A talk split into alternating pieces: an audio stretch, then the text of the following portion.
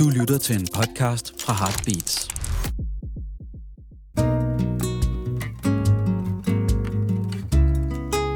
Banæs er dyrenes konge kan produceres takket være min sponsor Hello Fresh.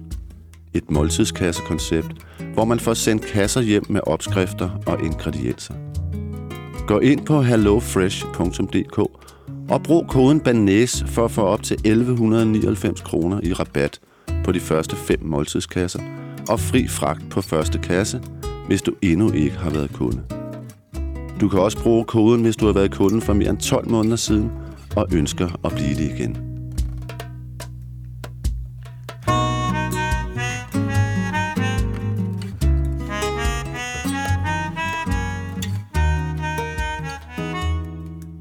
Velkommen til Banæs er dyrens konge. For et par år siden var jeg så heldig at blive inviteret med til hyldestmiddag for mesterkok Emeritus Jan Pedersen ude på Charlottenlund Slot, sammen med en række af de store danske kokkekoryfæer.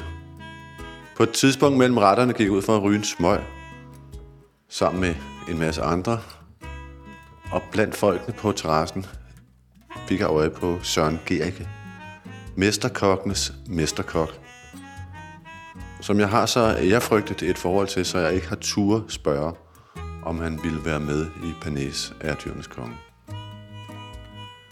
Da han havde skåret sin smøg, lagde jeg mærke til, at han kiggede på mig. Og nu så jeg også, at han begyndte at gå over imod mig. Og jeg havde aldrig mødt ham før. Søren Gerke blev igennem 60'erne og særligt 70'erne den første store danske kokkestjerne. Han redefinerede det danske køkken, og det er svært at tale om Søren Gericke, uden også at tale om restauratøren Jørgen Tønnesen, som han kørte parløb med i mange år. Tønnesen var uddannet tjener og kom siden til at eje en række steder. Hotel Kong Frederik, Hotel Plaza, Søllerød Kro, Copenhagen i Paris og en masse andre. Han var meget frankofil, og han elskede den måde, Søren Gericke lavede mad på. Og hvordan er det så? En gang spurgte jeg Erwin Lauterbach, en anden mesterkok, emeritus, hvem han synes var den største kok gennem alle tider. Og han tænkte sig om i et halvt sekund, og så sagde han, Søren! Og så sagde han, hvorfor er det Søren? Og så sagde han, han kan bruge ild, han kan bruge ild, du! Søren Gericke har en helt særlig måde at gå til madlavning på. Han bruger intuition. Han har en meget stor indføling med råvarerne. En dybfølt kærlighed til dem. Og en, øh, en meget fornem sanselighed. Og på den måde er han, synes jeg, den kok fra Danmark, der kommer tættest på at være kunstner. Jeg er ikke særlig vild med at blande kokke og kunstnere. Det viste sig, at Søren Gericke ville tale med mig, fordi han og kæresten Anne skulle til Rom, og han havde hørt om min romguide. Og han ville bare spørge mig, hvordan han kunne få fat i den. Og dermed fik jeg altså både talt med ham, han virkede usandsynligt flink. Jeg fik også hans telefonnummer, og efterfølgende skrev jeg til ham og spurgte, om han havde lyst til at være gæst i Banæs af dyrenes konge. Og det havde han. Derfor tager jeg nu til Rødovre for at møde Søren Gericke. For ikke at bare lave en, men to dele, som kommer til at hedde Hjemme hos Søren Gericke. Hej. Hej Søren. Hej, kom ind så. Så. Åh, goddag. Goddag. Goddag.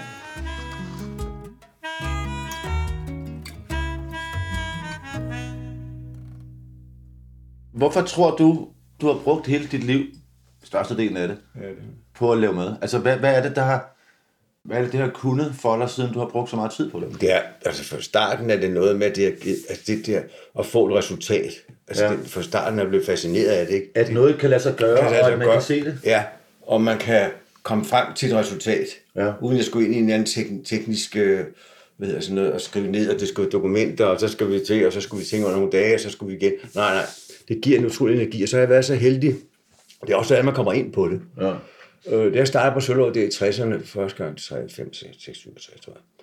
Så var der, der var, det var et tomrum, og det er ikke for at hæve mig selv, men jeg kom derop, det lignede bombelokum. Hvor- Hvordan, hvordan det? Altså køkkenet var så dårligt ud, eller hvad? Ja, det var simpelthen fin mad i den gang. Men det er fordi, vi kogte, vi dampede grøntsagerne hele tiden, og jeg tænkte, hold kæft, mand. Og så satte det noget i gang for mig, fordi det var så dejligt at være der. og Man levede, når man er på Sølund, så lever man der hele døgnet rundt.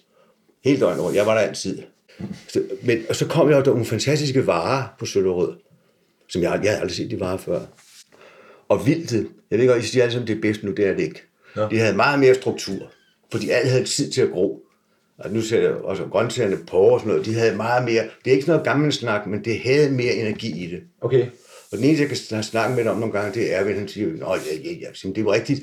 Det havde meget mere krudt i det. Fiskene, Du, sige, at tingene smagte? ja, meget mere, det var meget dybere smag. Okay. Fordi det, det er jo ikke presset frem. Der er også fine ting nu, men det var helt, der var heller ikke noget opdræt vildt, vel? Det var jo noget, vi fik jo fra dyrehaven af noget af det, skytterne derude fra. Okay. Og så var der ikke heller ikke alt det kontrol der. Det var ikke øh, vanvittigt, og vi kan huske, de kom med noget, der hed Saxeland, det var en, bland- en, en, en, en ligesom kanet i dag. Øh, der var så mange ting, og så kom, vi kom de jo til, til øh, Søllerød, med, med, med, altså, om vi ville have det, ikke? Nå, de, ville- de kom simpelthen bare, så bankede de på, og så Ja, sagde ja, de så der. sagde de det. Og så var der ikke nogen, og det var fordi, det var, det var ikke mig, det var Jørgen Sønsen, ikke? Så han kendte jo alle mennesker, så kom han blandede sig aldrig noget. Så kom de med. Men så begyndte vi også at få lidt fra Frankrig, for Sønsen var virkelig frankofil. Så der kom nogle varer op, og så begyndte vi at få lov. Og så Okay. begyndte jeg at mase mig på, at det var lidt groft måske. Men sig mig en gang, altså, øh, hvordan havnede du på Søllerød Kro? Du kommer, så vidt jeg kunne læse mig frem til, fra, fra Amager, ikke? Jo, jo. Ja, men hvordan, hvordan havnede du deroppe? Det var der, de, alle de rige bor. Jamen, der er ikke nogen, der spiser det op. Det er det ikke. Vi skulle have, sølv, vi skulle have søllerød mad på en dagens ret. Det skulle der være, sagde han. Ville have sådan noget. Hvad var Søllerød med? Det kunne være en ragu, det kunne være oksehalragu, det kunne være ja. kråser. Der var en, der var en dagens ret, så? Ja, det skulle der være, her som her. Han ville have, at alle skulle kunne få det der. Nå. Og få et glas portvin, som sådan noget. Ja, han havde sådan noget, og det var meget fint. De der søllerødborg, det kom ikke, det ikke dem, vi havde. Nå. De kom jo fra København af senere. Nej, nej, nej, det var ikke det. Så var der selvfølgelig nogle erhvervsfolk nede fra Neum og sådan noget. Men da de rygtet kom, hvad vi, var, gik, hvad vi gik og lavede dengang, så begyndte det langsomt at komme inden for København af. Lad, lad os lige, fordi jeg ved, at øh, nu har du nævnt øh, Jørgen Sønnesen flere gange, og der er mange af de yngre lyttere, der ikke aner, hvem Jørgen Sønnesen er. Jeg kom jo fra Grønland. Jeg havde været på Grønland, for jeg ville gerne være væk fra frityrgryderne her. Det er Landhavsjævning kaldte de her frityrgryder skidt og Så jeg tog det op, ikke på en base, på en privat, altså hvad hedder det, statens ejendom. Mm. Mestersvidet. Da jeg så kom tilbage, så så jeg en lille annonce, der stod, kok søges til Kro. Og der lige købte mig en velo, så siger jeg, det er da mig, mand. Så kørte jeg det op. Og der var ingen, der søgte, der var ingen, der ville derop. Det var for langt. Nå, Så det var ikke, de havde ikke ret mange kokke, der søgte eller noget. Nå. Og så fik jeg jobbet, og så begyndte jeg. Det jeg kan huske, der kom op sådan nogle af fonger. De, de lignede sådan noget, jeg kan elastikfonger. Det skal jo stå sådan noget lige, så så mange, du vejer alt af. Så der er forhold i, så meget sådan en stor køkken bliver der nødt til, ellers så går vi bare og finder ud af det efterhånden. Der bliver der nødt til at have fuldstændig snorlige, ikke? Ja. Og det fik jeg lov til at lave sådan nogle ting. så, så der, var, der var vægt på alt det, der skulle Yes, ja, ja, så man havde, foran skal virkelig køre. Du kan ikke hjælpe mig, jeg kalder det stik foran. Hver foran, det, det, og gryderne skulle, og hvad hedder sådan noget, vi havde sådan nogle former, der kom så og så meget peber, det, det, det, det, det, det, Nå, okay. Så der var en, altså, de byggede køkkenet op på den måde. Ja. Og så kom jeg, og så fik jeg lov at Tønsen kom så nogle gange. Han blandede sig aldrig. Jørgen Tønsen, restauratør Jørgen Tønsen, så kom han jo og, og gik rundt i køkkenet. Og så en gang sparkede en, en elev over skinben eller anklen. Så sagde jeg, det må man ikke gøre i mine køkken. Eller vores køkken, han sagde aldrig mine, vores køkken. Så sagde chefen, og så nervøs, han sagde, det må han gerne. Det han mener det ikke. Nå. Så begyndte jeg at køre, så testede de mig på telefon. Det kunne lige så tydeligt. Nogle af hans venner. De testede mig, de spurgte, hvad en Kurt Bouillon var. Mm. Jeg kendte, jeg, det vidste jeg ikke. Jeg, jeg kan også forestille mig, hvad det er. Det var ikke noget mål. Eller hvordan. Det fyrede jeg så noget af til, så det er fint. Så fik jeg bare lov at lave noget. Men hvordan, prøv lige at fortælle mig om Jørgen Sønnesen. Hvordan, Han var, han var, hvordan så han ud? Han var en tynd mand, mand altid i klassisk jakkesæt med kingsning i siden. Du fuldstændig snorlig, aldrig bevæget. Du kunne aldrig se, hvordan han, han havde det. Og han kunne godt gå igennem køkkenet, og så kunne han sige, når de er nok ny her, goddag, der er en, der har været der et år. Okay. Men, sådan, men han styrede det jo, på, han blandede sig aldrig, han bagfra. Han kom aldrig nogensinde og sagde, dem, at, hvad hedder sådan noget. Det er ikke godt, det er gået i går og sådan noget. Nej. Aldrig. Men, men, men, han var... Han Han var mand med stil på, og han havde jo også, han havde haft syv små hjem før, det startede, de startede noget, øh, øh, France, det var efter, lige efter krigen, de startede en, en restaurant nede i Badstuestræde. Øh, og det var med små hvad sådan noget, kurvelamper og sådan noget bedste papir, der hang ned. Det kørte jo bare og snegle i Danmark dengang. Det var helt op at ringe. Og du har simpelthen fransk mad, rigtig Ja, ja, fransk ja, ja, men det var fransk mad med dansk kokke. Så den, den der være glædeligt, ikke? Ja, Og vi havde ikke nogen fransk kok op dengang. Der, der, der går lidt en kurve ned. Ja, ja. Ja, ja. Det var det nok. Men det var starten. Så kom syv nationer, syv små hjem. Og det var, afs- det var jo dengang, folk stod i kø oppe ved Dagmar. Ja, Tønsen var, det var han med i. Og så købte han kong Frederik, så ud af det, så købte de kong Frederik. Ja. Og der blev kong Frederik bygget om. Og Sønsen, Jørgen Sønsen, han altid, han har jo fuldstændig sat for balancen. Kong Frederik var det første steakhouse i Danmark, det ved man have på. Ja. Da vi havde Queens Pop, der stod folk i kø også. Ude på gaderne stod de. Så de smarte, eller de kendte mennesker i gåsøjne, jeg ved sgu ikke, hvad kendte dem, det var, det man skal vise sig frem hele tiden. De stod i baren først på Queens Pop, og så alle os andre røvler, vi stod på den anden bar og kiggede ud. Det, var det uh, Queen's Pop, skal lige sige, til dem, der ikke ved, det ligger uh, lå, ja, det findes ikke mere, Nej, på Kong- Hotel Kong Frederik, ikke? Kong Frederik, ja. Ja. Politikens hus, Kong Frederik og, ja. og haft den, ja. Så han, uh, Tønnesen var restauratør Restauratør, og levede af at drive steder. Ja. Og var god til det. ja, meget god. Og købte Og- på et tidspunkt Søllerød. Ja, så købte han Sønderød Kro, Sønderød Kro, og så købte han Hotel Plaza bag, lige bagefter. Sønderød Kro købte han først, ja. Og så byggede de det om, og så begyndte de at bearbejde den op. Og den var en god kro også for den, da han havde den. den men den var, det var smørbrød det, og så havde vi svinekoteletten der, og sådan Nå, lidt. så, nå, så det var folkeligt sted, simpelthen? Ja, ja, men der kom ikke nogen folk i. Nå. Men og det var grøntsager, det var, og ingen, der havde de grøntsager før, ret mange, der havde friske grøntsager, der kom ind og blev dampet efterhånden, som blev bestilt og sådan noget. Det var jeg sådan, sådan det, han havde. Og så var han inspireret af Frankrig også, ikke? Havde lejlighed i Paris altid. Og i Cannes var han jo sammen med Vachier, det var Roger Vachier. Så han havde den inspiration dernede fra. Da vi kom op, så var der, ikke, der var jo ikke noget, Ja. da de sagde, kan du ikke lave orange sauce, mand? Nej, det bliver ikke noget at lave der. Appelsinmarmelade, så gør den, det var, mand. Det var, men det var, det var helt nede af ringen. Jeg siger ikke, der, der har været mange gode kokke, det har der. ja. De var afløsere, de var slidt mange af dem, de var færdige, de var slidt. Hvis du ser på de der nye, øh, yngre topkokke nu, de drikker sgu ikke. De, øh, det er urtete og Ja, øh, Ja, øh, de juicer, der over. bygger op, og antioxidanter. Og, Så var vi slet ikke. Det er sådan- sådan har I ikke? Nej, nej, nej. Nogle gange så kom vi også til at holde fridag. Jeg kaldte det lille bitte weekend. Kokken sige, kom tilbage. Jeg var køkkenchef der. Så sagde jeg, hvad fanden tror I, der er weekend nu? Ah, det er et lille bitte weekend. Altså, der var fuld fart på. Lille den bitte weekend. Ja, ja, så gik man ud og fik noget og drak noget. Men de var ikke på arbejde. Det var der før i tiden, helt før i tiden. Der var druk. Ja. Virkelig. Jeg kan huske på Sølvåde Kro, der lukkede de spiritusen ind og vinen ind. Så sagde så rejser jeg. Vil ikke være. Jeg vil kraften ikke være, hvis I gør det. Det var dengang, jeg lige kom som fiskekok. Jeg vil ikke være et sted, hvor vi ikke har fri adgang, når vi laver mad. At vi skal bede om nøglen hver gang. Gud, vi ej. Så sagde så må du rejse. Det gør jeg også. Så skrider jeg. Okay. Og så kom et øh, Tønsen og sagde, nej, det kan man finde ud af. Så kom de salt i vinen også. Hvor- Hvorfor det? For, for man ikke skulle drikke? Ja, ja. Nå, er det Det var rigtigt? sådan noget knaldvin fra det hed Bæsle. Men det, det var, altså kokkene var tørstige, nogle af dem. Men Ja. det var de der gamle kokkelande, der var i fred. Ja, ja. Men der har været meget druk.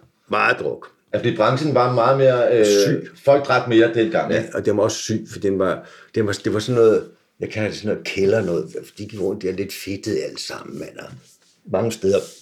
Det var, det var, nej, men vi, vi startede på pladser, så al, alkohol, det er ingen sprut overhovedet. Vi var alle sammen tørstige, når vi var færdige. ja. Men ikke når alt blev for, ingen sprut, ingenting. Som sagde, de må, I ordne, alt du siger, hvad I har lyst til, I ordne det, det vedkommer ikke også. Og I må ryge ud i gården, men ingen sprut. Og det var der heller ikke. Okay. Men hvad så, når I så var, var, var færdige efter service? Der Hvor, fik der en ordentlig gang med nogle gange. jamen, hvor, men hvorhen? Øh, Ja, der var der hed Axelborg. Axelborg? Nej, Ja, det er Axelborg Bodega, så I kom. ja. Og så var der en nede i Revlovsgade. Det var det bedste. Pinden eller sådan noget? Ja, det hedder den. Ja, ja. Det er rigtigt. Der var en gang i den. Okay. Der sad kokke, kokken, de sad nogle gange over, vi sad ovenpå. Der er sådan en gang. Og så nedenunder, der sad eleverne. Ved du hvad, mand, jeg sagde også til ham, mand, hvis du ikke kan pisse de 30 æg på en gang, mand. Det sagde jeg også til chefen, mand. Nu skal jeg gøre det, mand. De sad for den der. De har blæret sådan Ja, det gør ikke noget. Det var, det var, deres fredspunkt, ikke? Ja. Og den måde, man fik mad, det gjorde det også. Jeg var lærer meget dårlige steder, men det var, det var bare lidt, det var vigtigt, at jeg kunne sidde og lytte til de andre elever. De kom fra Antea, de kom fra Kystens Perle, de kom fra Frascatis. De havde nogle helt andre indsigt i tingene. Jeg havde ingen indsigt i noget. Nej. Jeg vidste ikke engang, hvad en søtoku var. Du så ud bare til dig. Ja, ja, det var historierne. Så kunne du selv bygge videre på dem. Ja, ja, ja. ja, ja. Det var det samme, de gjorde der, de unge.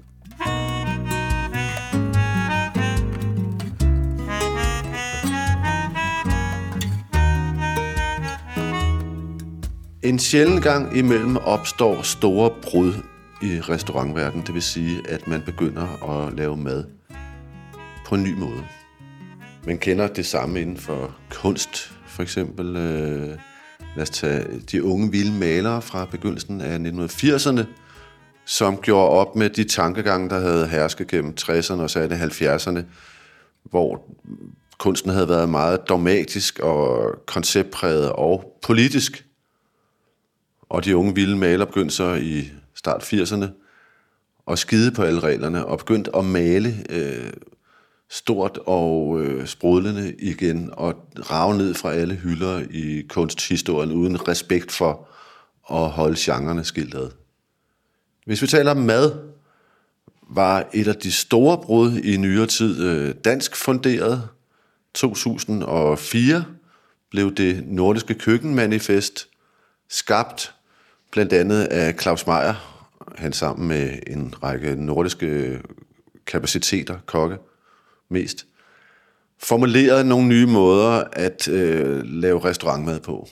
Og meget forenklet sagt kan man sige, at øh, tankerne gik i retning af, at man skulle frembringe mad af de råvarer, som man kunne se ud gennem køkkenets vindue, og respektere de omgivelser, som råvarerne var kommet op eller ud af. Det vil altså marken eller det hav, som fiskene var blevet pillet op af. Dommerne og tankerne bag det nordiske køkkenmanifest bredte sig til hele verden, tør jeg godt sige. Og det vil sige, at man blandt andet i Mexico City, hvor jeg har spist flere gange, på de to bedste restauranter der, øh, begyndte at, øh, at lave mad udelukkende af uprætentiøse meksikanske råvarer, og ophøje dem til gourmet ved at bruge sin store kogekunde og sin fantasi til at lave øh, nye retter. Men det helt store brud i moderne gastronomi, og der taler vi altså inden for de sidste 100 år, har været det nye franske køkken, altså Nouvelle Cuisine. Det store franske borgerkøkken, som blev formuleret for mange, mange år siden af blandt andet Escoffier, har jo været øh, udgangspunkt for hele den vestlige måde at lave fornem mad på. Det vil sige det, vi kalder for fin fransk mad. Og fint fransk mad var i, sin, øh, i sit udgangspunkt øh, saucer. Saucer var, var meget vigtige, og det var altså saucer, som var frembragt ved, at man havde store gryder stående på blusset i dagevis, og kogte ned og kogte ned, og endte med at have meget smagsmættede saucer, som man monterede med smør og serverede til store stykker kød og øh, grøntsager, som i mange tilfælde ikke havde fået lige så meget kærlighed og var lå smattet over et hjørne. Det køkken gjorde franske kokke op med igennem 60'erne. Det begyndte egentlig hos mesterkokken Fernand Point på La Pyramide i Vienne. Hos ham var en række af de kokke, som sidenhen skulle komme til at formulere det nye franske køkken, Nouvelle Cuisine, de var lærlinge hos Fanapois. Hans kongstanker, som man så udbredte til den her nye generation af franske kokke, gik blandt andet ud på, at man skulle bruge og udelukkende bruge råvarer, som var i sæson. Man skulle også tilberede mindre, og en af det nye franske køkkens signaturretter er således øh, brødrene Trois laks med havesyre, som vagte en forfærdelig opstandelse, da den blev sat på kortet i begyndelsen af 70'erne. Det, der gjorde folk så vrede, var, at laksen var først banket flad, og dernæst vendt på en hed pande. Og den blev altså serveret rå i midten, og sådan havde man aldrig nogensinde serveret fisk før på en fornem restaurant. Den helt store stjerne, som kommer ud af Nouvelle Cuisine, altså det nye franske køkken, blev Paul Bocuse, hvis restaurant uden for Lyon, fik tre Michelin-stjerner i 1965 og opretholdt dem indtil for tre år siden, hvor restauranten mistede sin ene stjerne og derfor kun har to i dag. En række andre øh, store kokke kom ud af det nye franske køkken, Og når vi taler Søren Gericke, så er særlig Roger Verger interessant, for Verger blev den kok, som inspirerede Søren Gericke allermest til at øh, udvikle sin version af det nye franske køkken. Verger blev uddannet på klassisk uddannet på Tour d'Auchan, øh, den tids store, eller en af den tids store parisiske klassiske restauranter. Og i 1969 så formulerede han så sin egen udgave af det nye franske køkken på restauranten Moulin de Mouchin, og blev ven med Jørgen Tønnesen, altså den store danske restauratør, Søren Gerikes messin, kan man sige. Og som sådan, altså som ven af Jørgen Tønnesen, blev Roger Vachier konsulent, da Tønnesen købte Hotel Plaza og formulerede Restaurant Plaza som et sted, hvor det nye franske køkken skulle, skulle vises frem for danskerne. Roger Vachiers mad øh, knytter sig meget til øh, hans øh, provençalske ophav, og han kalder det selv, eller kaldte det selv, for han døde i 2015, et solskinskøkken, Cuisine du Soleil, øh, hans, øh, hans hovedværk, kan man sige, er kogebogen fra 1978, så vidt jeg husker, Ma Cuisine du Soleil, altså mit solskinskøkken. Blandt øh, Vergers øh, signaturretter var blandt andet kylling og olivenroulade med tomatsauce og timian, eller havtaske med to slags coulis af henholdsvis rød og gul peber, som bredte sig på hver side af de her stegte stykker fisk. At jeg trækker ham frem nu, skyldes altså, at Søren Gericke om nogen lå sig inspirere af Roger Verger, og mødte ham adskillige gange.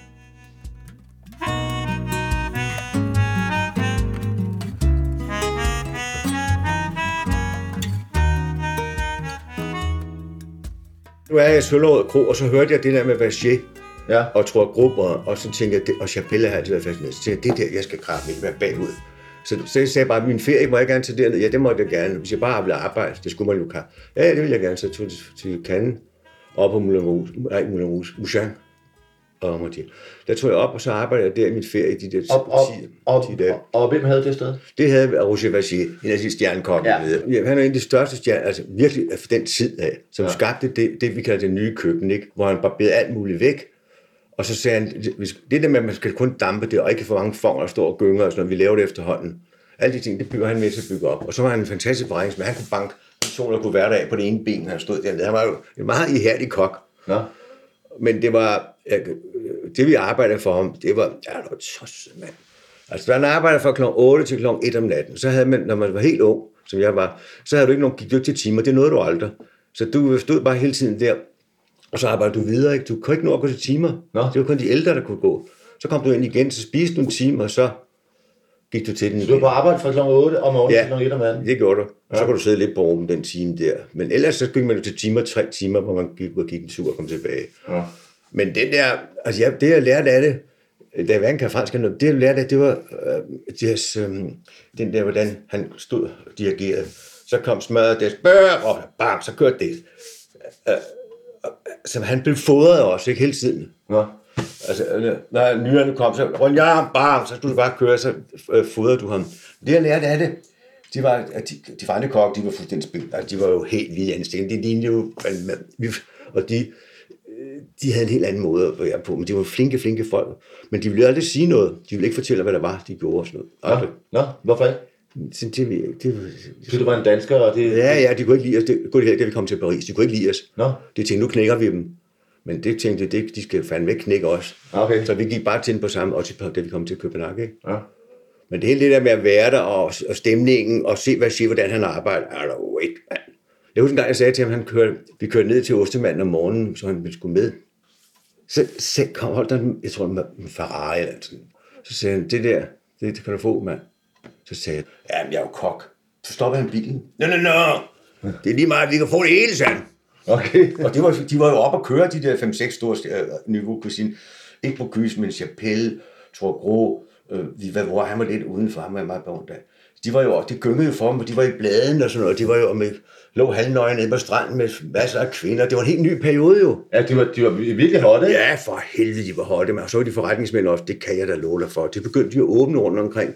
Så var de, deres andre, det var ikke dem selv, når kokken, de var gæstekok i USA, så ringede den. Nå, så kom der så kom pengene på kontoen. Satan, mand, ja. Her for i nullerne, der kom der en ny fransk bølge, ja. bistronomi. Men altså, det du taler om, det vi taler om her er det nye franske køkken, ja. nouvelle cuisine. Og ja. vi taler om alle kongerne fra dengang. Og vi taler særligt om Roger Vergier. For nu skal du høre. Da Rasier kom til København og boede på kong Frederik, han sagde, I har, I har fantastisk kød, I har forrygende kød, I fisken er utroligt, der er skaldyrene, men osten får mads. Bah! Det, det, det, kan Det var, det var lort. det var det. Men vi havde Olof Sørensen ude i Frihavnen, der havde franske oste. Men det var ikke nogen, der købte ret meget af det. Han solgte det til Sverige. Ah. Det skal meget længere frem, end vi var dengang. Meget mere lige. Nå. Han kom op og lavede, og det gik til timer, altså på kong Frederik blev vi kaldt ind på søget på kong Frederik. Og så øh, så vi, hvad han gjorde. Så kom han ind, mand. Stiller han sig op. Hvad fanden vil han gøre? Sin min mustache? Gas, mand. Så kørte det bare. Han kørte bare. Ja. Og så lavede han, jeg kan huske lidt tidligt, ål og en gilde med en, en creme citronsovs. Hvad, hvad, hvad det, hvordan for, forklare den ret? Det var øh, ål, små ål, de der 200 gram, 260 grams ål, som han øh, gjorde i stand selvfølgelig, og så blev den ål skåret i små stykker, og så blev det sorteret i charlotteløg, og så var det noget, de bræhævede. Det var alt, var noget, de bræhævede også med. Så noget, de bræh på, bang, op med det, og så stod det og simrede, og så creme på, kom duble på, og så slyngede vi, og så monterede vi, jeg kan sgu ikke, hvad man jo, med persille og så lidt citron. Så lavede han entrecôte, et stykke oksefilet, stegte hurtigt, op med det, igen charlotteløg på, lidt noget bræ, og så var det sherry på, op, hakke ekstra på, så montere, det der med at montere det helt, det har jeg forfulgt hele mit liv.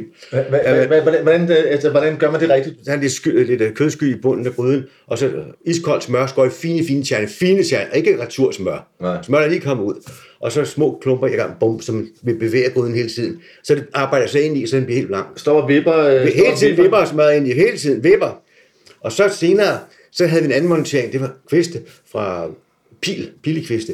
Så bandt vi dem op, så havde vi ikke noget med piske, så slyngede vi. Nogle gange så slyngede vi rundt, det var helt vildt. Nå, så, så, I, så I både vippede er mange, mange og, forskellige. og, Ja, ja, det var den ene af dem. Og Mon- vi monterede, monteringsmåder. Ja, ja, fordi nogle gange ville vi gerne have lidt skum i, og de der kokker, der kommer og blæser her, de unge danske kokker, vi måtte jo arbejde med det frem, men jeg havde fantasien til, at jeg sagde, det skal, så begyndte vi selv. Vi havde vores egne patenter Okay. til montering, alle former for montering, også med slynge rundt, om sætte en pind ned i, med sådan en træpind, vi havde ned i, og så kørte vi rundt om med gryden, rundt om med den. Okay. Men det var jo, fordi vi så, hvad shit det der. Og så lavede han tartan bag, for han tog en, gang en kårrød ved en kæmpe, eller kong Frederik mange, lavede han tartan. Den sad fast i kanten. Altså æbletært. Ja, Ja. ja. æbletært, ja. Omvendt ja. æble. Kan vi Ja. kalde omvendt æbletært? Ja, ja. Den vendte han lige ud på, og den sad fast i kanten. Det kunne sådan en mand som Monsieur til sagde, banken han lige en gang. Hallo, Monsieur. Så gik han. Så kommer han over på, over på plaza. Så så han bestilt et øh, vildsvin. Så så han det store dyr. Der var ingen, der tænkte over, hvem, hvad jeg siger. Så tog han lige skar lige midten af ryggen ud, men resten væk. Ikke smide det ud, det kunne vi bruge så. Og så sagde han til mig, Laurier. Nu siger jeg, kan ikke det Laurier. Jeg tænker, hvad satan skal jeg gøre? Man kan godt mærke, der var stil om gutten, ikke? Så jeg sprang rundt og tænkte, jeg kan fandme ikke, mand. Jeg var helt ødelagt. Det var lavbær. Og dengang havde vi sådan nogle lavbær i Danmark. De havde ligget ude på noget, der strøm og cement, sådan en grofirma. Der havde ligget 27 år. Ja, det var helt tørret, ikke? Fuldstændig. Der er ingen smag af noget, det lort der, eller skidt hedder. Så, men det fik han så kigget. Og så lavede han den der pikvar med øh, tomat concassé. Filen af pikvar, sådan en halvanden, to, to, to, ah, to kilos pikvar. Så skar han lige en lomme ind i, og så havde han øh, hakket, ja, ligesom, altid charlotte, det stod på, og så tomaten ind i, så lagde, og så øh, skrab og laks. Der havde vi østersølak dengang. Så viste vi de der moppedrenge, vi havde. Vi havde Pikvaren er kæmpe- Ja, Det jo pikvaren, ja, ja. Men vi havde jo øh, øh, laksen, det var østersølaks. Nå, okay, okay, ja. Op i, helt nord, ikke på Bornholm, skal lidt lidt nordligere på. Og skar, så det, der sad på benet, det er det bedste, når du skærer filerne. Så skraber vi det fra benene, og så gav vi ham det. Okay. Okay. Det gør vi. Okay.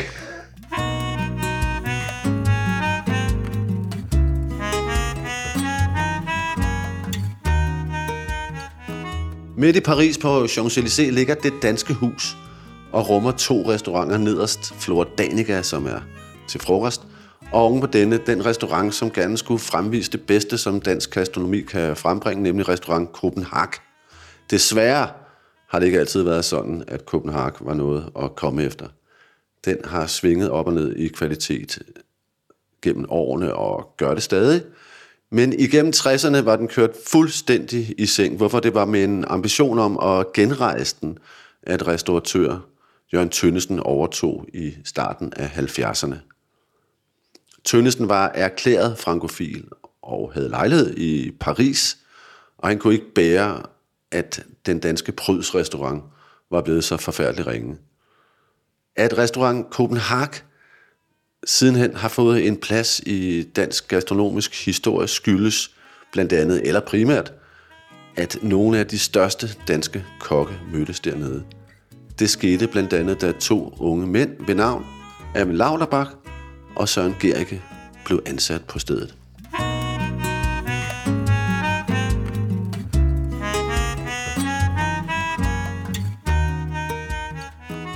Det danske hus i Paris og Restaurant Copenhagen, den havde, fået, den havde været op at ringe i 50'erne, lige efter, da de havde egentlig tog over. Med danske kokke? Da, ja, med danske kokker, dansk mad og sådan noget, og det var klædt fuldstændig ud. Og det, så jeg kan godt sige det ud, og det var så, du har aldrig set noget lignende. Aldrig set sådan en bordel før. Det er meget til noget. Den svinesti. Aldrig. Ah, det er til ulækkert. bordel. Jamen, det er ulækkert. Det, da vi begyndte at brække den ned, altså køleskab, der så iset til, så jeg sagde, der sidder jo hele et århundredes gammel pålæg inde i dem, og det var, alt var, i dag ville du aldrig nogensinde, at de tissede i sådan et hul, vi havde over, altså alt var bare, men så byggede vi om, eller vi, ja, Tønnesen byggede om, og det der sker, når alt, hvad Tønnesen lavede på den fineste måde, lukker aldrig. Vi arbejder bare samtidig. Så dækker vi til med et stykke plastik der, så kan vi arbejde. Sådan har det altid været. Og så, så kan man lave noget derovre, mens Ja, ja. Det, I dag vil sådan, sådan er det bare, fordi så kan det ikke hænge sammen. Ja. Det var stilen. Du kan blive sushi for nede, så Nå ja, det vil jeg gerne tage så. Bare et par måneder. Det var bare at lokke, mand. Jeg er ung og naiv, mand. Det er stadigvæk. Jeg skulle ned. Ja. Kæft, mand. Men, og så sagde men vi kan godt betale din billet. Nå. Kokkene, der kom ned til Paris dengang, de skulle selv betale togrejsen ned. Vi havde ikke nogen, du havde ingenting. De sov på værelser fire og fire mand ad gangen til de der 15-20 franc om dagen i døgnet. Jeg var så heldig, at Tønsen, han finansierede mig på mange måder. Altså, Det han havde havde også skaffet en lejlighed og sådan noget? Nej, den skaffede, nej, nej, nej, den skaffede, den stod med en ret og spurgte, om, om man få indskud. Det fik man sgu ikke, det skulle selv. Jeg havde ikke set indskud. Ja. Jeg havde kærester derhjemme der. Nå. Men det der med at få ind til mig bare til betingelserne bare. Men kokken, der kom ned, nogle gange så rejste de igen. Men nede i kælderen, der, det kan jeg fortælle, der, det kan jeg alt for, der havde vi en rørmaskine, den havde ikke virket i fire år. Så det brugte de kun, de ældte med hænderne. Man bare forstå, hvor, hvor forsømt det hele var, ikke? ja. Men så startede vi, øh, Når du siger vi, hvem er så vi? Det var mig, jeg og, og en gammel køkken St. Petersen, desværre ikke er mere. Han var med i en, en kort periode, så kunne han ikke holde. Han var en fin mand, han kunne bare ikke... Og det der pres, der var der, det... Hvad, hvad havde de, havde de, havde Copenhagen der en Michelin-stjerne? Nej, nej, nej. Den fik de først efter vi var... Det havde det slet ikke i starten. Okay. Der var slet ikke noget. København var slet ikke, som vi forestiller jer. Det var ikke noget fornemt sted. Nej, nej, nej, det var fra forfald. Og så Nå. var det Tønsen Bens, det var Ja. en arkitekt, en arkitekt, der byggede det om sammen med Tønsen. Så kørte vi, så blev det fint. Vi var ikke medlem af EF eller noget. Åh, nej, det, Så det vi skulle kræfte dem op og hente. Vi, det, vi er helt tilbage i starten af 70'erne. Ja, ja, 70, 71 startede det. ja. Så vi kørte op og hentede de der sildene op i øh, sildetønderne, retrætønderne fra Island, dem hentede vi op i, ved Lille. Ja. Der kørte dem ned. Så vi måtte jo øh, smule det hele ind. Smule, vi smuglede alt ind, når vi, da vi, Vi smuglede sild ind. Sild ind, og vi smuglede cigarer ind, vi smuglede alt. Vi kunne ikke få det ind. Nå, okay. Og så var der heller ikke, der var ikke mange penge det var til sådan noget. Det, der var vigtigt med det hele, det var, at København skulle have et løft igen. Okay. Og ombygningen var meget smuk. Det var meget smukt lavet. Og det der, I kalder dansk holdbord, det var rejselsfuldt. Men så noget øh, table danoise bagefter. Der stod vi inde med bordene, eller tænder inde med bordene og trancherede alt. Nå. Der var ikke noget med, at I satte ned og bare kunne få koldt bord. No, no. Så havde vi en side med marmor, der var kulde på, og en, der var varme. Så bare vi en, så dykker der, så kørte vi. Og så begyndte jeg at lave alle mulige ting. Jeg kunne lave dyreryg. Det var så rent styr, de fik op. Det var værre jagthunde, men så begyndte vi vildt i Frankrig med honningbrød og sovs. Og så begyndte vi at lave kirsebærglaseret kirsebær. Altså, det var ikke, om det var dansk. Kan vi lave det bare? Ja, ja. Det var ikke noget. Så blev vi anmeldt. Kom, du stor mand. Vidste de, der, vidste de at, at der sad en anmelder derinde? Ja, men de vidste jo godt, hvem det var. Men der var ingen, der... Han var for Jules de France, tror jeg, eller den linket af. Jeg kan ikke huske, hvad for en. Han var kraftig mand. Men mange af de forretningsfolk, der kom, der blev åbnet, det var, de startede med at få drinks, altså virkelig, der hatten passede. Så spiste de der, først danoise, så fik de vores springdand med østers, eller vi lavede springdand. Så Springdand med østers? Ja. Og det lyder Og så- ret avanceret. Ja, det kørte jeg mange. Eller jeg, det kan jeg ikke sige, ja, det kørte vi meget. Så fandt vi uh, pigvar brolier. Det hentede vi uh, alt, hvad hedder det? Lyngen ude i skoven ude, hvor alle de morale piger stod og mænd. Fanden hed det? I Versailles, tror jeg det. Så hentede vi, det, det er sådan en kokkelever nu, der var to. De gik om natten og klippede lyng. Det var Frede Frankrig lyng. Den brugte vi til, øh, Nå, til- brænde- til- til ja, ja. Nå, så sagde de, når de spiste det, så begyndte de, når de spiste for at silden og de forskellige ting, laksene, så begyndte de med de andre ganar, der er dyreryg og pisselur. Og så, så skulle der tunge ting til. Så, og så fik der kørt vinen på. Så, og så fik de så bag ved kalve, hvor de døde. Men så kom han op. Det var anmelderen kom. Ja, ja, der havde vi lavet øh, en humar française, kaldte den. Humar française. Det var, jeg lavede med salvieblade, smør, noget i bræt, vin blanc, der blev reduceret, og så blev hummeren lige lagt ned i der. Og så masser knust. Indisk peber. Langpeber, som vi snakker så meget om hjemme nu. Så, Nå ja, gud ja. Det er jo så helt smart nu. Ja, ja. Det, det er syltepeber gammelt. Det er det, man brugte til sylte. Nå, gør det rigtigt? Ja, ja, du fik sådan en syltepål for dør- tørslev. Der lå tre stykker langpeber i i gamle dage. Det er pisse dyrt, der Ja, ja, det, det, det, der der fik du sammen med tre, øh, 10 sennepskorn eller sennepskorn, og nogle, det hedder ikke chili, det hedder også rød peber. Ah, det lå nede i den pose. der. Nå, Ja. det lavede vi så. Og så kom han der, den, der var francist. det er en kæmpe stor fed anmelder. Ja, så sagde han, der er ikke noget, der hedder hummer mand. Nå, Fordi det er der meget, der hedder, men det er der altså. Okay. Okay. Men vi havde bare lavet vores egen. Men så kunne han godt lide at så, skrev han, unge, vortende danske kokke. Han var sådan lidt arrogant, ikke prøver på, men der var vi fuld gang. Så vi ja. lavede også, der var, kom nogle kokker op fra Faché. Når man ikke havde noget at lave hos Faché, det fik ikke fri. Så kunne de bare til Paris og arbejde hos os. okay. Så øh, den var der bare. Der havde de der 14 dage, og så var det bare ud over lige. Nå. De kom så op, så lavede vi en and, hvor vi brænder æblerne i andet fedt, for det bliver ikke brændt, det er lige på kanten. Altså æblet, som er skåret i filet. Nej, Nej. nej. De, de, de første både, så det, du får så meget flade som muligt. Okay. Og så øh, øh, øh, skallen, den skal, være, den skal være med i starten, og den kommer så ned der, hvor vi har stegt anden. Og så skal den stå der og simmer, og så kommer der så kanelstangen i, som lige står, det må ikke brænde, det står. Og så, så du, du skal lige for, du ved, lige på kanten til brank. Mm. Den må ikke, og så står de og karamelliserer. Den placerede vi så, og så kom vi så filerer i bagefter. Og der, de der franske kokke, ja. kiggede sådan på os. Ja, ja, ja, ja. Jeg tænkte, det kan ikke bare komme her. Den kørte vi, og det var det, der kom. Det gav skuddet, da han så anmeldte os. Nå, okay, så den til så... Ja, ja, sammen med hummeren, den og hummeren blev anmeldt. Så kørte det. Ikke, at der kommer mange mennesker, men i det hele taget bare, vi blev nævnt. Hvad fanden? Og vi havde ikke forstået det. Ja. Vi kunne mærke det. Vi kunne ikke forstå, hvad de sagde, men vi kunne mærke, at altså, det der skete, og jeg gik rundt i Paris, der var tre steder, vi var hvor jeg, kunne, jeg bare sad der og kiggede. Hvad var det for, hvad var det for et sted? Det, det er en restaurant, der Viva Voir. Den ligger, det er den Erwin siger, han går mange fejl. Han kæft, Erwin. Øh, Ja, men det er ved en lavlerbak Ja, Erwin Lauterbach, ja, kom. Øh, øh, det er en restaurant, Avenue Victor Hugo. Og han, han havde en stjerne først, så fik han to. Og så fik han tre. Men han var ligesom, altså, han blev altid helt sådan, det han lavede, det var sådan nogle øh, nye klassikere, der var nye. Det var det, der var novelle. Han, og han lavede for det med hummer, hummer i portvin.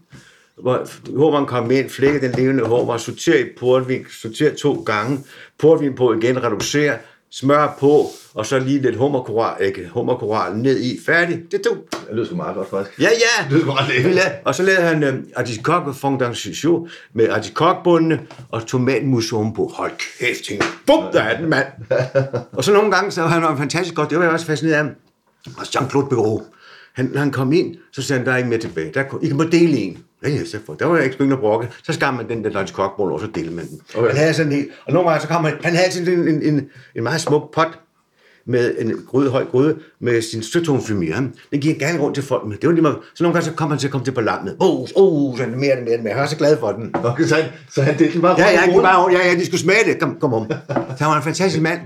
Om morgenen stod han ude Avenue- Avenue til Hugo, når jeg kom gående, jeg gik bare forbi, inde på arbejde. Så stod, kom fiske, stod de udenfor, stod han derude og kiggede på dem. Man kunne se, at han var fuldstændig salig. Og stod bare op med sig han på sin stod, ja, han stod, fangst. ja, han var fuldstændig salig, han stod der og kiggede. Han var glad. Hans kone sagde senere, lærte dem lidt at kende. Hun sagde, så kan han ikke, så kan jeg ikke snakke med ham flere timer.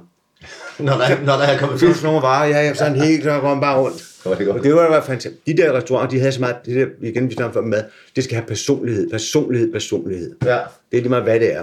Når du har det, så er det fint det hele. Ja, det der lyder også som om, det har været fuld af Energi. meget hæftig energi, Ja, ja, ikke? ja, ja. Og, og, og, så har der været knald på, fordi det var noget fedt.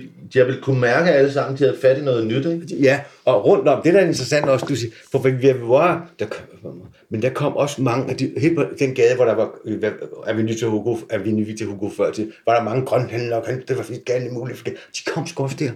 De kunne godt se, hvad der sker. Ah. Og dengang i Frankrig skulle du handle med dit område. Det snak, det skulle godt lære herhjemme. Hver område af arrangement, der skal du handle i. Du må ikke handle uden for arrangement. Og så de købte deres ikke, hvor det de skal du efter loven. For, det var for, for, for, for, for at præge. Selvfølgelig fik de også noget ind, der ikke kunne inderne for ugen. Men ellers så skulle man handle. Det skulle vi andre også. Vi skulle handle i de områder. Nå. Det kan jeg meget godt lide. Ja, ja. Men der var, så kom de forskellige, og når der kommer nogle af de forskellige, du med store, flotte fingre, men damerne med du kender, de sidder der, og så sidder fru Nielsen ved den anden side. Med, det, det giver en utrolig stemning.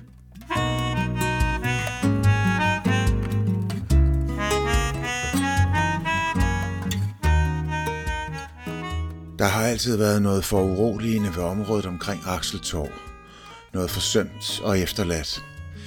Det gik helt galt, da man forsøgte at genetablere skala i begyndelsen af 90'erne, for ingen ville være derinde, og det var dejligt konsekvent, at man rev skandalen ned og opførte Axel Towers, fem tårne fulde af advokater og Trio, som var en glimrende restaurant sidst jeg var forbi. Men jeg har også konstateret, at kover og svungne former ikke har forbedret gademiljøet betragteligt. Jeg havde stadig afskrevet Akseltorv, da jeg en dag kom cyklende forbi. Det var frokosttid, så jeg var sulten. Og var der ikke noget om, at restaurant Mark for neden af den ejendom, hvor landbrug og fødevarer har til huse, havde overtaget mesterkokken Sixten Bendix Sixhøj Laversen, som jeg var begejstret for, da han styrede køkkenet på radio over for det gamle radiohus. Jeg stod af cyklen og gik ind. Det forholdsvis store sted breder sig om hjørnet.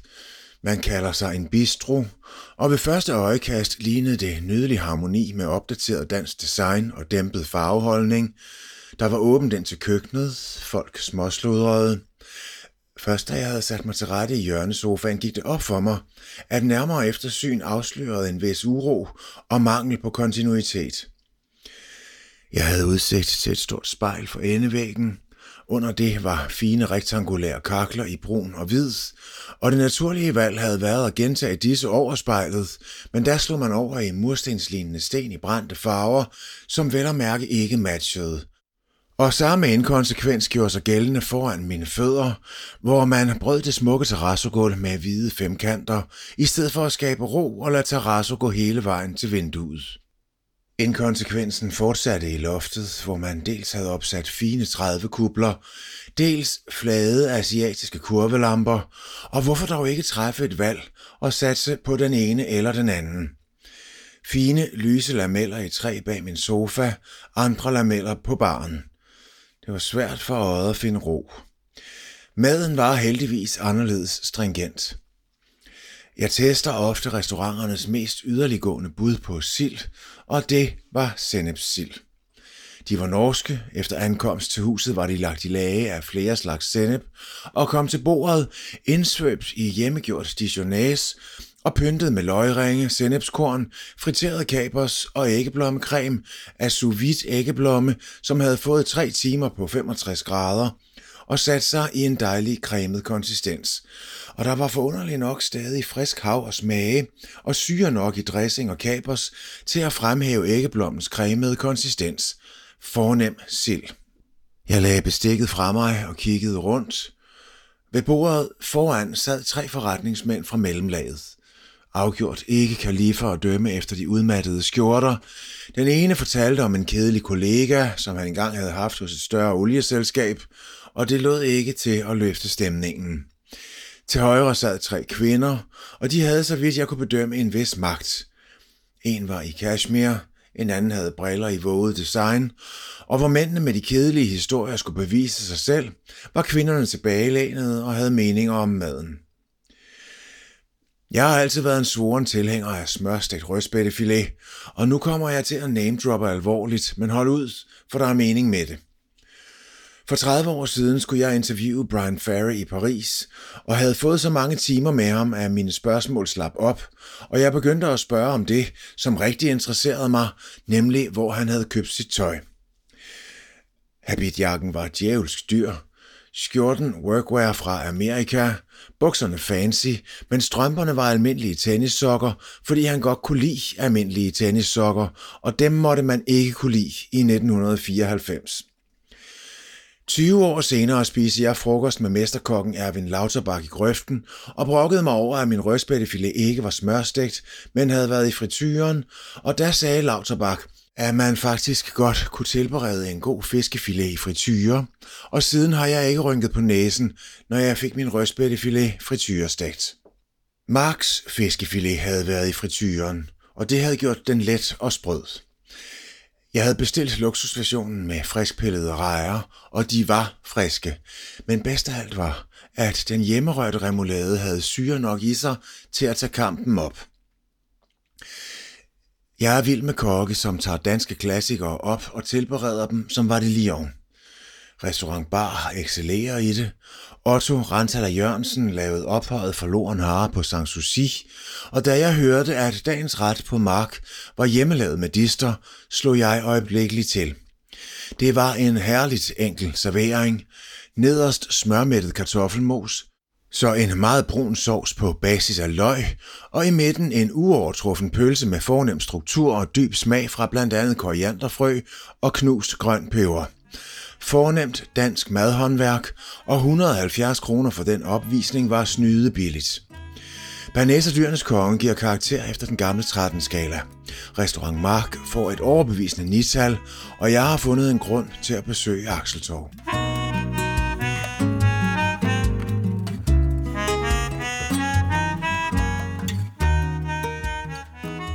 I 70-71 kommer du så til Copenhagen i det danske hus på Champs-Élysées. Ja. Og for, det, det bliver bygget om, og ja. der, det bliver et mere ambitiøst sted, at man får fjernet de der øh, rester inden fra køleskabet, der har siddet der to år. Og få renset ud. Og der var du, øh, der var du køkkenchef. Ja, køkkenchef, da jeg kom. Og så var der bare ikke nogen køkkenchef. Så var der bare køkkenchef, så skulle du blive der. Og så bliver det bare en anden titel. eller? Ja, ja. Eller et andet ansvar, vel? Sådan er det bare. Ja, jamen, sådan var det. Man sagde ikke nej til at Tønsen. Jeg, jeg ved jo, at Erwin Lauterbach var der på samme tid. Ja, ja. Hvorn- Hvornår mødte du Lauterbach første gang? Det mødte jeg da der kom. Så gik jeg ned i kælderen. Han havde, han havde luksustilværelse, han Dr. Lauterbach. Han gik ned i kælderen og gjorde klar, og var på sådan et garmageragtigt kaldte vi det. Men så kom han op oven, så sagde du skal ikke gå ned i kælderen, gamle dreng. Du skal, Altså han bakkede op ned i kælderen, ja, ja. hvad lavede han dernede? du skal Ja, være sammen med os. Og så øh, arbejdede vi sammen oppe i, øh, på arenaen. Kunne I, øh, flugtede I godt sammen fra I mødtes? Eller skulle I lige følge ind på hinanden? Sådan tænkte vi ikke, det. vi arbejdede bare. Det var, det var bare arbejde. Du havde ikke sådan noget, der, og de der, Nej. men det må vi have gjort. For Erwin, han var fascineret. Jeg blev helt sindssyg. Jeg fik jo lov ud at spise nogle steder. Erwin, han siger jo stadigvæk. Og så kom Søren tilbage. Og så hoppede han op på komfuret, man, og råbte og skreg og glæde, mand, fordi jeg, det var første gang, jeg var på Talivang og sådan noget. Kæft, mand. det var ikke kun prøv, Det var at fortælle, om det. Det, det, var jo det, det, var, det, var, det var det helt store sted. Ja, Talivang. Ja, og det, der var fascinerende ved Talivang også, restaurant Talivang, så havde de ude i køkkenet, der havde de en emhæld i kover. Pusset, gejlet, banket kover. Nu siger jeg, det var 10 meter langt. Det har nok ikke været. Det måske været 6 meter langt. Og der sad chefen på stol op for enden. Han sad med slips og helt dynen ind under sin koktøj og sorte bukser. Hallo? Stod han, død, død, død. Og så stod der, øh, Socien, han stod der, øh, første gangen der, Socien der, og så stod rotissørchefen der, de forskellige øh, øh, partiledere, Ja, ja. partilederne, og de stod der og smagte, og så sagde han, død, død, død. Hold kæft, mand. Der kom jeg alt, hvad han kunne trække. Jeg fik altså nogle penge til den. Jeg kan huske lige så tydeligt, dampede kalvebrislen, dampede sådan en kurtbouillon, en bouillon, og så er den skåret fint, og så er den sorteret i smør, igen med det charlotte. Og så bliver den lagt på et lag spinat, det, det, hedder New Zealands grov spinat, og så bliver den trækket om en sauce mornay, det vil sige, en, øh, en, kan man ikke sige ostesovs, en legeret, en, en, så gratinerer de en salamander, det er, hvor ilden står nedover. Ikke? Ja. Altså, det gratinerer de lige. Så kraftedme, når de kom ind med den, så tog tjeneren lige og løftede glaseringslaget, og tog bristerne af, og trak laget hen over igen, glaseringen, gratineringen. Okay. Så det her, det er løgn, mand. Så bestilte jeg ost efter vi har spist alt det andet. No, no, no, siger jeg så. Det kan man jo ikke. Dengang fra, du kan ikke komme ind nu, og så har du fået din chokoladesoufflé, og så synes du, du skal have mere ost, fordi du synes, det er fascinerende. Jeg kan ikke spise salt. No, no, no, no, no, no. Så, så var den helt... Så, var, så, så var du, du kunne ikke have dig. Men det var meget en træstjerne, og den var, det var magisk. Og jeg mødte så øh, køkkenchefen igen oppe på, der var jeg vildt. Vi var oppe i Skotland senere. Jeg var i Paris, og så kom til, tilbage til Plaza.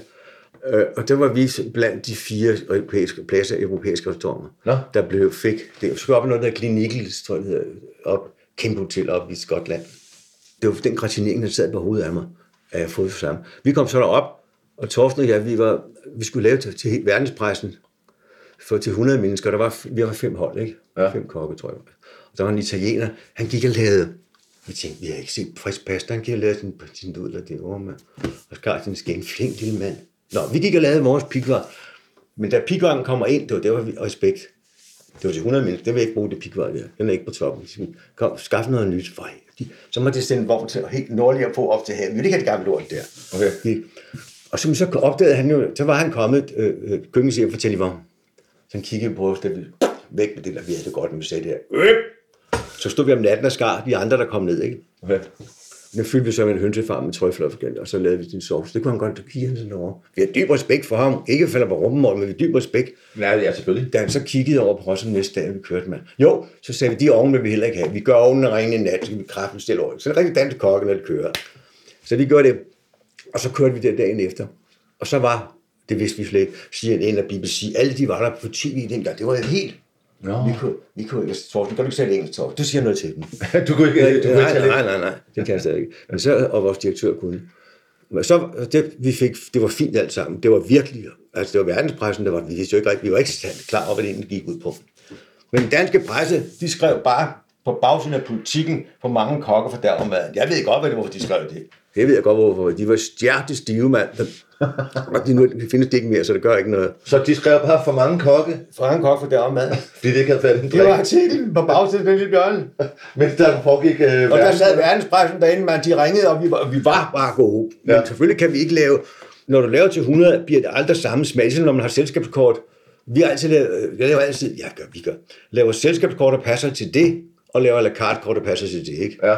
Altså selskabsmad, det skal være dybt, og det skal være energifyldt, og det skal have alle de kvaliteter, men du kan ikke lave det samme, som du laver til 12. Nej. Nej, det skal passe ind i hinanden. Så har vi altid gjort også på Søllerød. Det skal passe ind i, hvor mange mennesker, og hvad er det, hvem er det, du serverer til?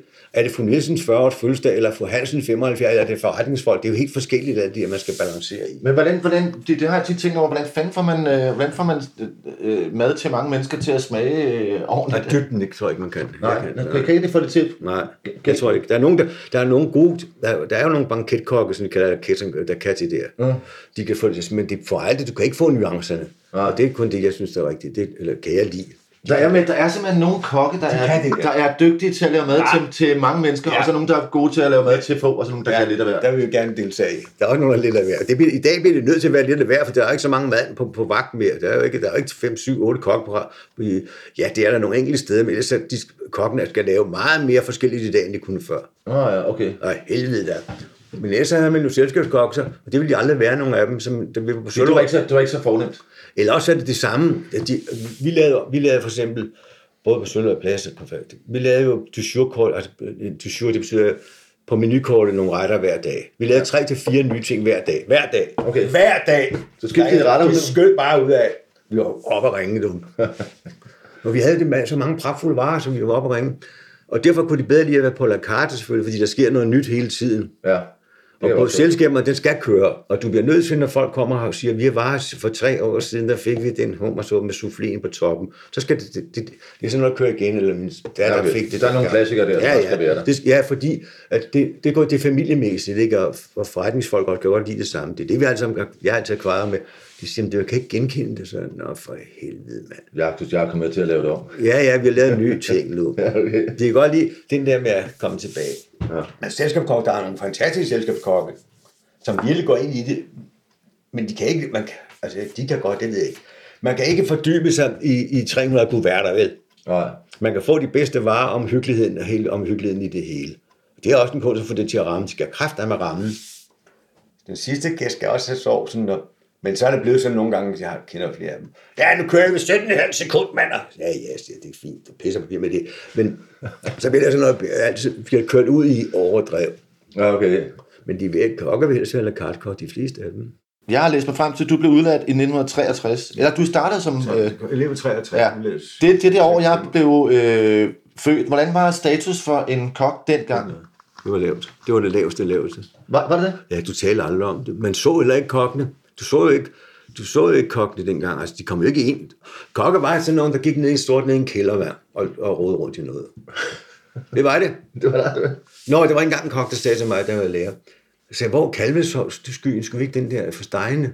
Den er der, sagde han til mig. Det var sådan nogle store stål, der var vandbad i alt. Det- Alt stod gynge nogle, forpå- nogle vandbad. Det, ja. Altså varmt vand, det stod gynge i varmt vand. Alt. Så alt blev holdt lidt lunken? Ja, ja. Godt, godt lunken, du. Eller det, I den ene side var der ikke så meget varme. Og så var der, så var den der store bamarin, hedder det, en stor bøtte, stålbøtte.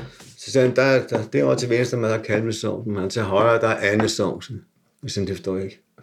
Forstår du ikke, han, så skal du lære det med dreng. Det var, de, de var lige glade. Det var den samme sovs, det hele. Okay. Og så sagde der lidt af det, der kom op i. Det var sådan noget rasp, der var fra frityren. Det skal der lige komme op i, man. Så kan de se, den er hjemmelavet. Og det var, jeg fik jo verdenschok. Nå, så, det, ja, sådan, så, man, sådan, så det lignede noget, der var kogt af panden eller et eller andet. Sådan, Ja, så, ja, ja, ja. ja så lige sådan noget hjemmelavet mands og krak, kvand, så han sagde til mig. Og det var, det var, det var slemt. Hvor, hvor, hvor, hvorhen var det, du kom i lære? Ja, noget, der hedder Regina, det ligger, det ligger på hjørnet ved Grand Hotel. Grand Hotel. Okay. I Revendorfsgade, ned mod pinden. Ja, det der, ja. ja. Øh, og det var helt, det var værste, værste, værste. Det vidste alle også godt. Men jeg kunne ikke komme i lære. Du kunne ikke komme i lære nogen steder, hvis du ikke havde realeksamen. Og, og, du skulle, og så nogle steder, der skulle du være, der skulle du være piccolo et år først. Nå, for at få lov til at komme Imperial, der skulle stå udenfor og være piccolo, eller hvad det hedder, og tage imod. Nå. Altså, eller så øh, ja, det ville jeg ikke. Nej, nej, nej. Jeg havde været arbejdsdreng, dengang jeg kom i lære. Jeg havde da været, øh, altså uden der er nogen, der opdagede det, på Tuborg havde der sorteret flasker, og jeg havde også været nede og, og vasket tog og sådan noget, så jeg skulle kampen ikke være det der. Du var 16, ikke? Jo, men jeg sprang jo også. Jeg gik. Men altså, vidste du egentlig, at mad ville være noget for dig? Nej.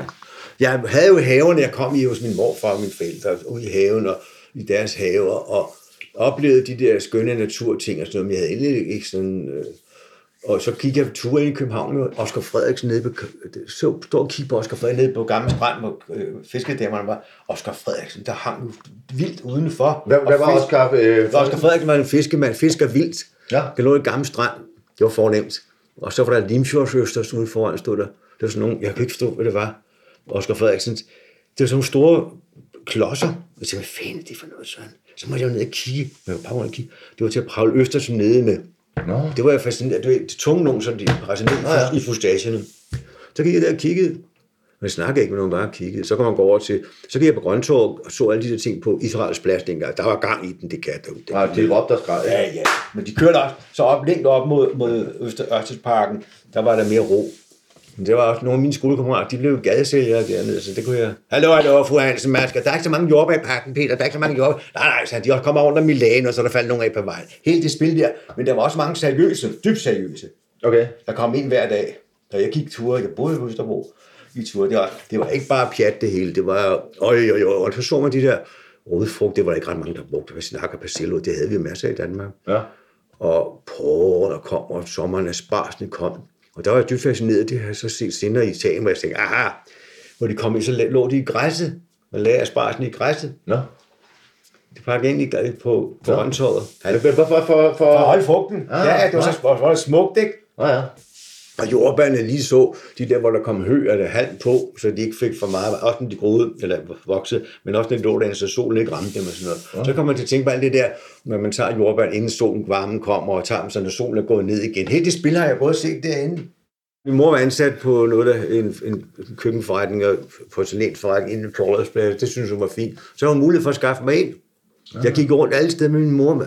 I dag der går jeg tit op med Francis og dem. Det er, det er ikke noget, forældrene skal ikke med. Jo, det, det er step for at komme over døren og ind. Nå, det var det, det man kalder curlingbørn nu. Du Ja, ved, det, ja, det, ja. Hvorfor forældrene Ja. tager for meget af dem. Ja, men jeg synes ikke, det er for meget. Altså, for det.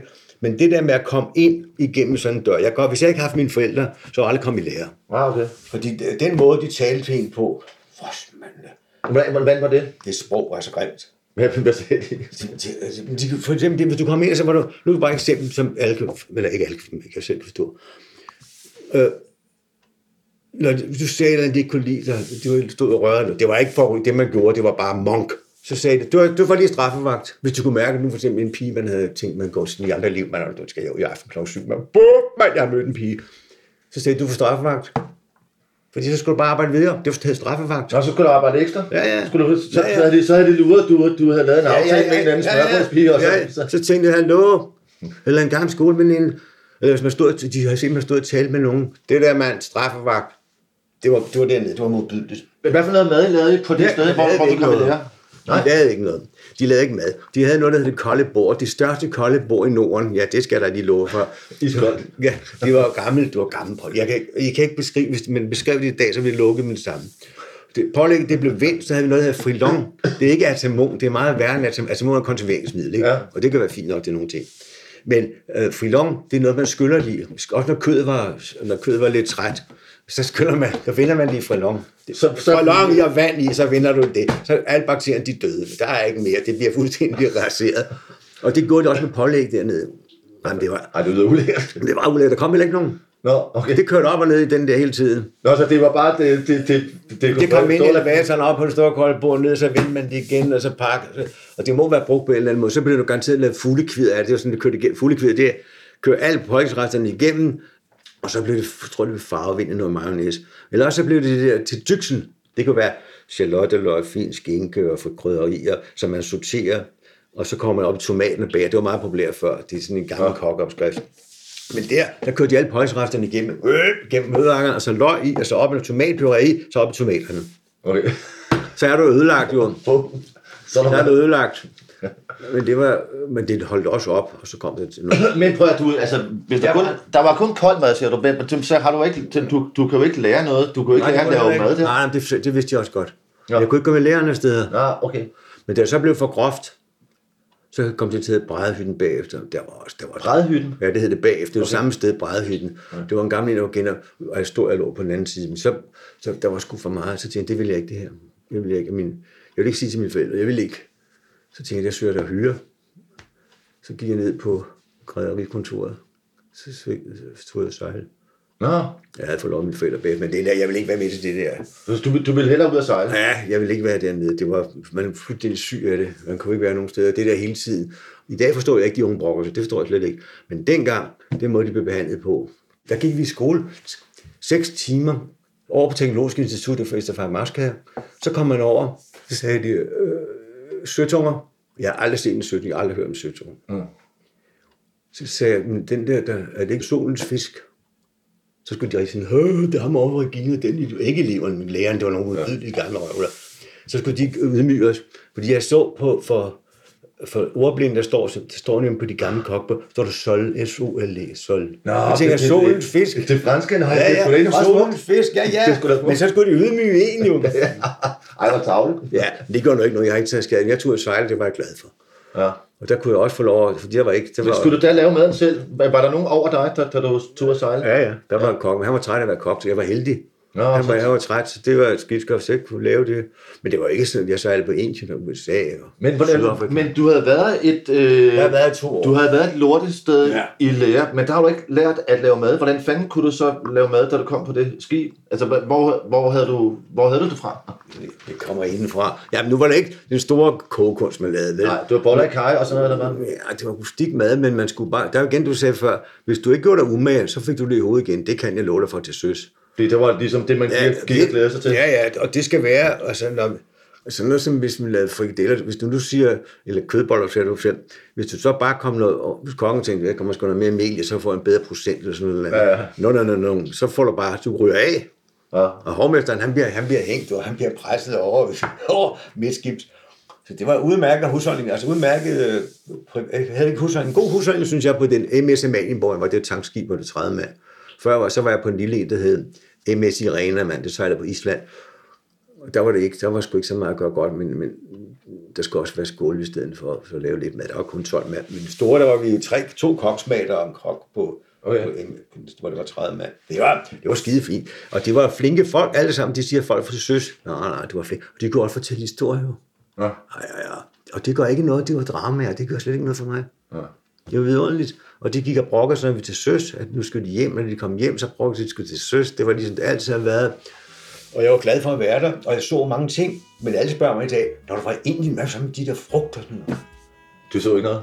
Det var- det var 16 der, jeg, jeg så. Ja, men du- du vidste jeg ikke, så, hvad det skulle Det var noget helt andet, jeg så efter. Det var det smukke. Altså. Nå ja, selvfølgelig. det var bare, men selvfølgelig har jeg set mango og sådan, men det var ikke sådan noget, men det var mere oplevet. Alle de mennesker, der var anderledes, og stemning og duften. Og, Farver. Ja, ja, farverne og duften, og det var helt vildt jo.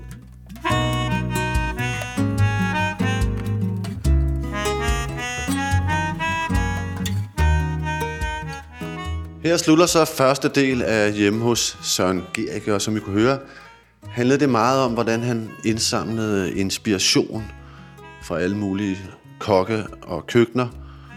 Og i næste uge i del 2 af hjemme hos Søren Gericke vil det så dreje sig om, hvordan han fik formuleret sit eget køkken ud fra den inspiration. Det skete blandt andet på restauranterne Plaza, det Jørgen Tønnesen eget sted, Plaza, som i sin tid blev regnet som en af Europas fremligste restauranter, og sidenhen på Søren Gerkes eget sted, Anatol, inde i Goldersgade. Næste uge, næste onsdag, altså del 2 af Hjemme hos Søren Gericke, om de år, som for alvor gjorde Søren Gericke til den store, lysende stjerne i dansk gastronomi. Tak for denne gang. Vi høres ved på onsdag.